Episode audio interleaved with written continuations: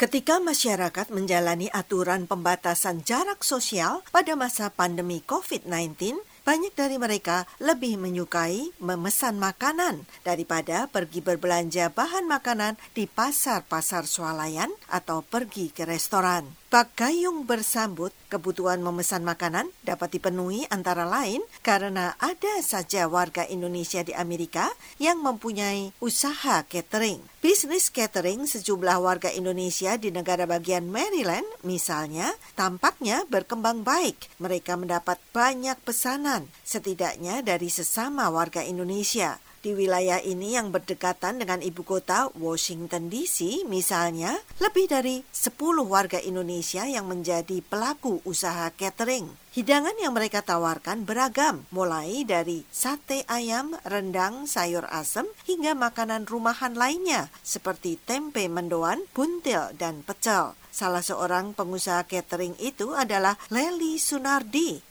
Selama masa penerapan pembatasan jarak sosial, ia menerima pesanan dua kali dalam seminggu, hari Rabu dan Sabtu. Lelis Kitchen yang menerima pesanan makanan sejak tahun 2007 itu juga menerima pesanan paket hidangan lebaran apa saja yang ia tawarkan? Leli menjelaskan. Uh, paket lebaran ini minimum dua orang dengan harga 50 dolar. Terdiri dari lontong, kemudian opor, sambal goreng kentang dengan rendang, kemudian ada sambal dan kerupuk kita masih terima pemesanan paling lambat tanggal 19.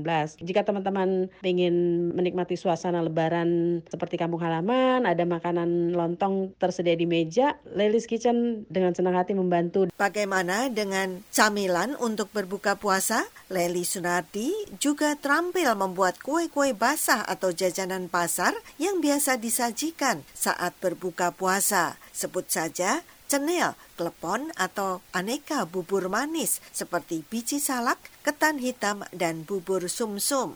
Pada musim pandemi ini, silaturahmi ketika lebaran mungkin saja akan berbeda karena adanya pembatasan. Acara saling berkunjung dan menjamu tamu mungkin tidak seperti biasanya.